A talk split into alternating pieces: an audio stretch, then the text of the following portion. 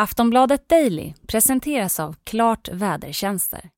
Innan vi börjar så ska vi bara nämna att det här avsnittet har spelats in innan tisdagens uppgifter om att det skett ett intrång i en databas där coronatester har registrerats.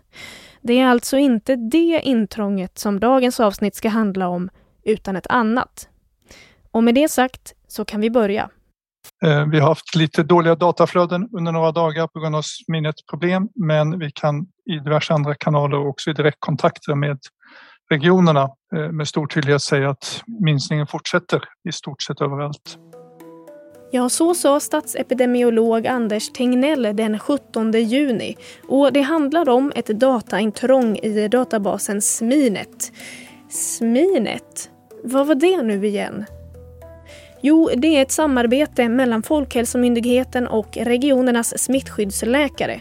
Och syftet med den här databasen är att sammanställa alla fall av väldigt smittsamma sjukdomar. Men vad betyder då det? Jo, vissa sjukdomar är nämligen så pass smittsamma att de måste spåras enligt smittskyddslagen. Det är bland annat covid-19, hiv och tuberkulos. Och om en läkare upptäcker en sådan sjukdom så måste läkaren rapportera det och då hamnar det i databasen Sminet. Och det är alltså från Sminet som vi har hämtat all coronastatistik under pandemin. Och där finns en hel del känsliga uppgifter och det är ju inte något som man vill ska hamna i fel händer. Men trots det så skedde intrång. Först en gång i maj och sedan nu i juni. Båda gångerna valde Folkhälsomyndigheten att stänga ner databasen tillfälligt. Men vid det första tillfället dröjde det två dagar innan man reagerade. Så, hur kunde allt det här hända? Vilka konsekvenser kan det få om känsliga uppgifter hamnar i fel händer? Och hur rustade är egentligen svenska myndigheter för att stå emot cyberattacker? Det och mycket mer pratar vi om i dagens avsnitt av Aftonbladet Daily. Jag heter Liv Elgenklöv. Vår gäst idag är Jonas Lejon som är IT-säkerhetsspecialist.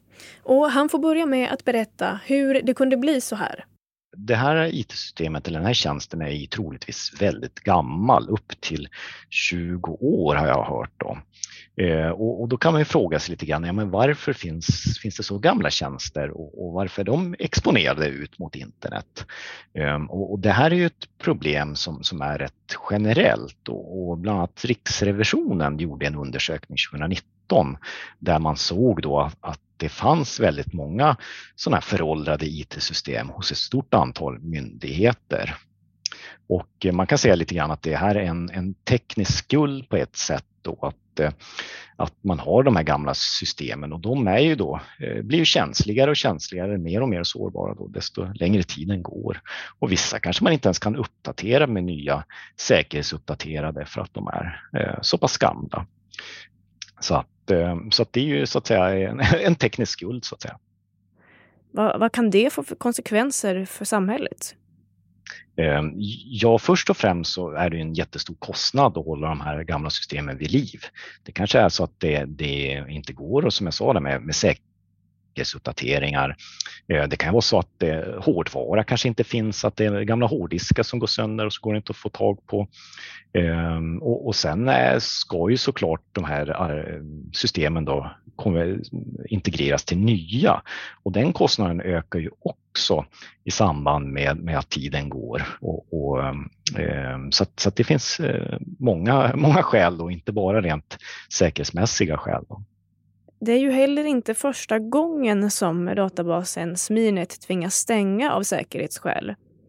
Vad kan man säga om det, Jonas? Borde Folkhälsomyndigheten ha varit bättre förberedda eller vidtagit åtgärder när det hände första gången?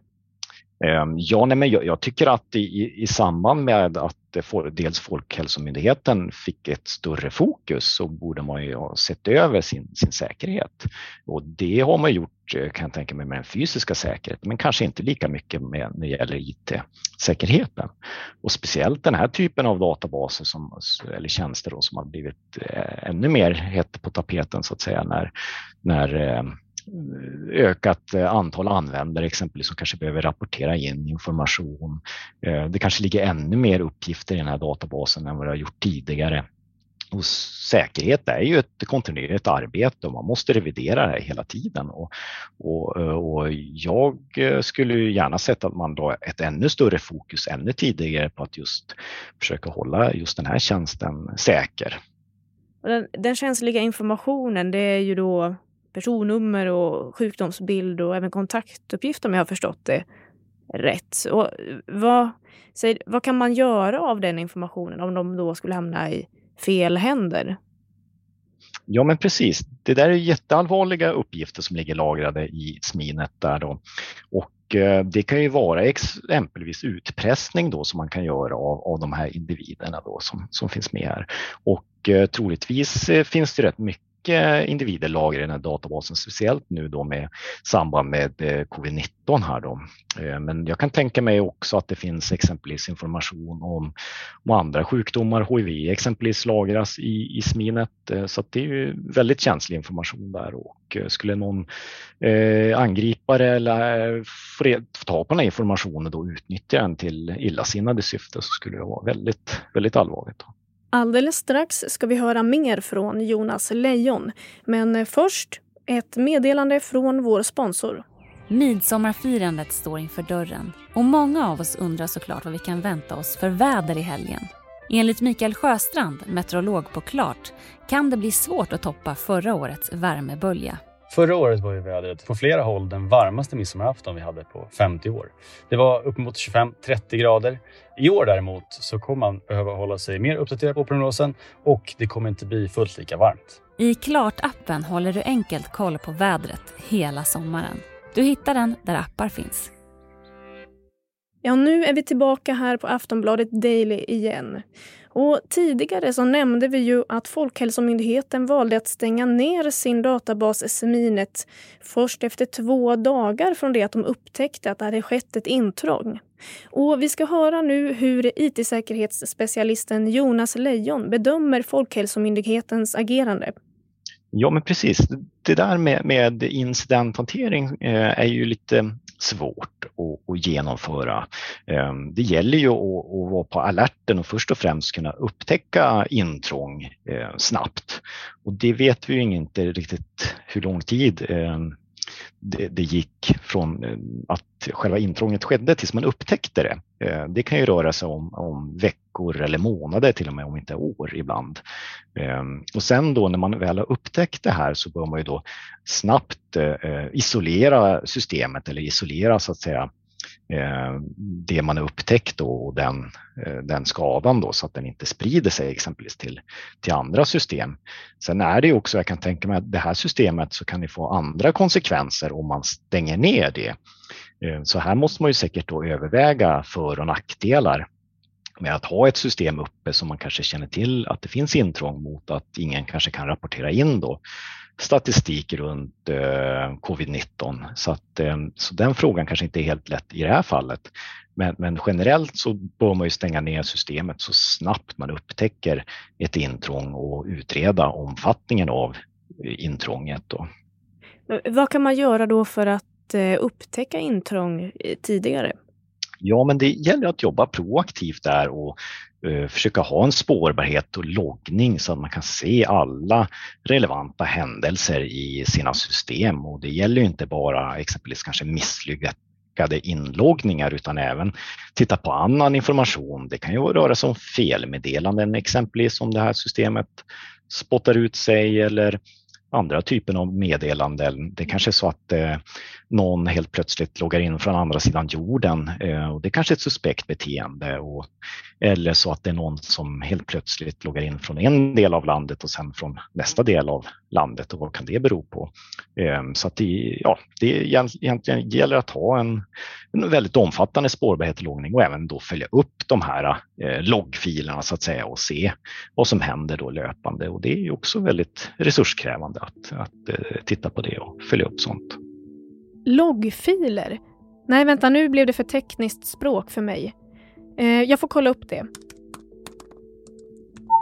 Logga en kort form av loggbok. Att logga ett antecknar resultat eller händelser i den ordning de inträffar. Syftet är främst att man vid behov ska kunna finna orsaken till fel. Loggen finns i loggfilen. Jaha, det är alltså som en automatisk loggbok som antecknar det som händer i datorn. Men betyder det att man vet vem eller vilka som har gjort det här intrånget? Vi har Jonas Lejon igen. Eh, nej, utan man har inte gått ut med så jättemycket information utan man har ju då undersökt och försökt titta lite grann och eh, det som eh, min teori är och vad jag tror har hänt är att någon har identifierat en sårbarhet, inte i ett illasinnat syfte utan har mer påvisat att det finns en sårbarhet. Och Eh, och det är ju inte bra det heller att, att det finns sårbarhet och att man kan påvisa det då. Men jag tror inte att någon information har blivit eh, stulen då, men, men att, att det finns sårbarhet och att någon har påvisat det. Om vi zoomar ut lite grann då på resten av Sverige och kanske då specifikt myndighets-Sverige. Hur väl rustade är egentligen svenska myndigheter mot den här typen av angrepp? Ja, nej, men jag skulle säga att det är en väldigt stor variation. Och, och en av de här bitarna är just det här med för, föråldrade IT-system. Att vi har, många myndigheter har gamla IT-system. Och sen gäller det att arbeta långsiktigt och, systematiskt med, med sin cybersäkerhet och IT-säkerhet. Och, och, verkligen försöka eh, lägga krut och avsätta både tid och, och resurser och se till att de här frågorna lyfts Eh, på en hög nivå inom, inom myndigheten att, att cybersäkerhet är verkligen en, en, en ledningsfråga och, och, eh, och, det finns ju inte en myndighet idag som inte eh, har någon slags IT-system kopplat mot internet. Och, och, så det gäller att säkra upp de här och det är ju inget litet arbete utan det är en fråga om mycket tid och, och resurser så att säga. Kan det bli så att den här frågan kommer upp högre på agendan i och med det som inträffat här nu Ja, nej, men det, det, tror jag att vi kommer få se ett, ett större arbete just eh, runt det här med föråldrade IT-system. Och, och ehm, bland annat Riksrevisionen har ju då ehm, varit inne på det här och man har ju släppt eh, flera rapporter på området just när det gäller cybersäkerhet och våra myndigheter. Tyvärr händer det inte så där jättemycket utan, utan det behöver, eh, vi behöver arbeta långsiktigt och påpeka det här och Ehm, om och om igen så att, så att det händer saker helt enkelt. Det här är jätteintressant eh, Jonas. Jag kom på en, en, eh, en fråga som man kommer att tänka på nu just med, med det när du säger att det, man, det, kommer krä, det krävs mycket resurser till att eh, göra den här omställningen. Så jag funderar, kommer vi se att eh, nya jo- yrken och jobb som, som skapas som kommer att rikta sig mot den här typen av arbete? Eh, oh ja, oh ja. Eh, och det, det är ju faktiskt någonting vi har sett här på senare, senare år. Just eh, specialister inom vissa områden då saknar vi ju otroligt mycket kompetens inom och speciellt eh, när det gäller att upptäcka och utreda intrång exempelvis. Eh, Dataintrång är ju ett sådant område där det, eh, där, där branschen så att säga skriker efter behov och, och eh, det vi ser tyvärr att det inte är så jättemånga som utbildas eh, men det, det sker ju löpande där. Så att jo, nej, men det, det stämmer att vi ser hela tiden nya, nya så att säga specialområden inom IT-säkerhet. Det säger Jonas Lejon som är IT-säkerhetsspecialist. Och det får avsluta dagens avsnitt av Aftonbladet Daily. Jag heter Liv Elgenklöv och vi hörs snart igen. Du har lyssnat på en podcast från Aftonbladet. Ansvarig utgivare är Lena K Samuelsson.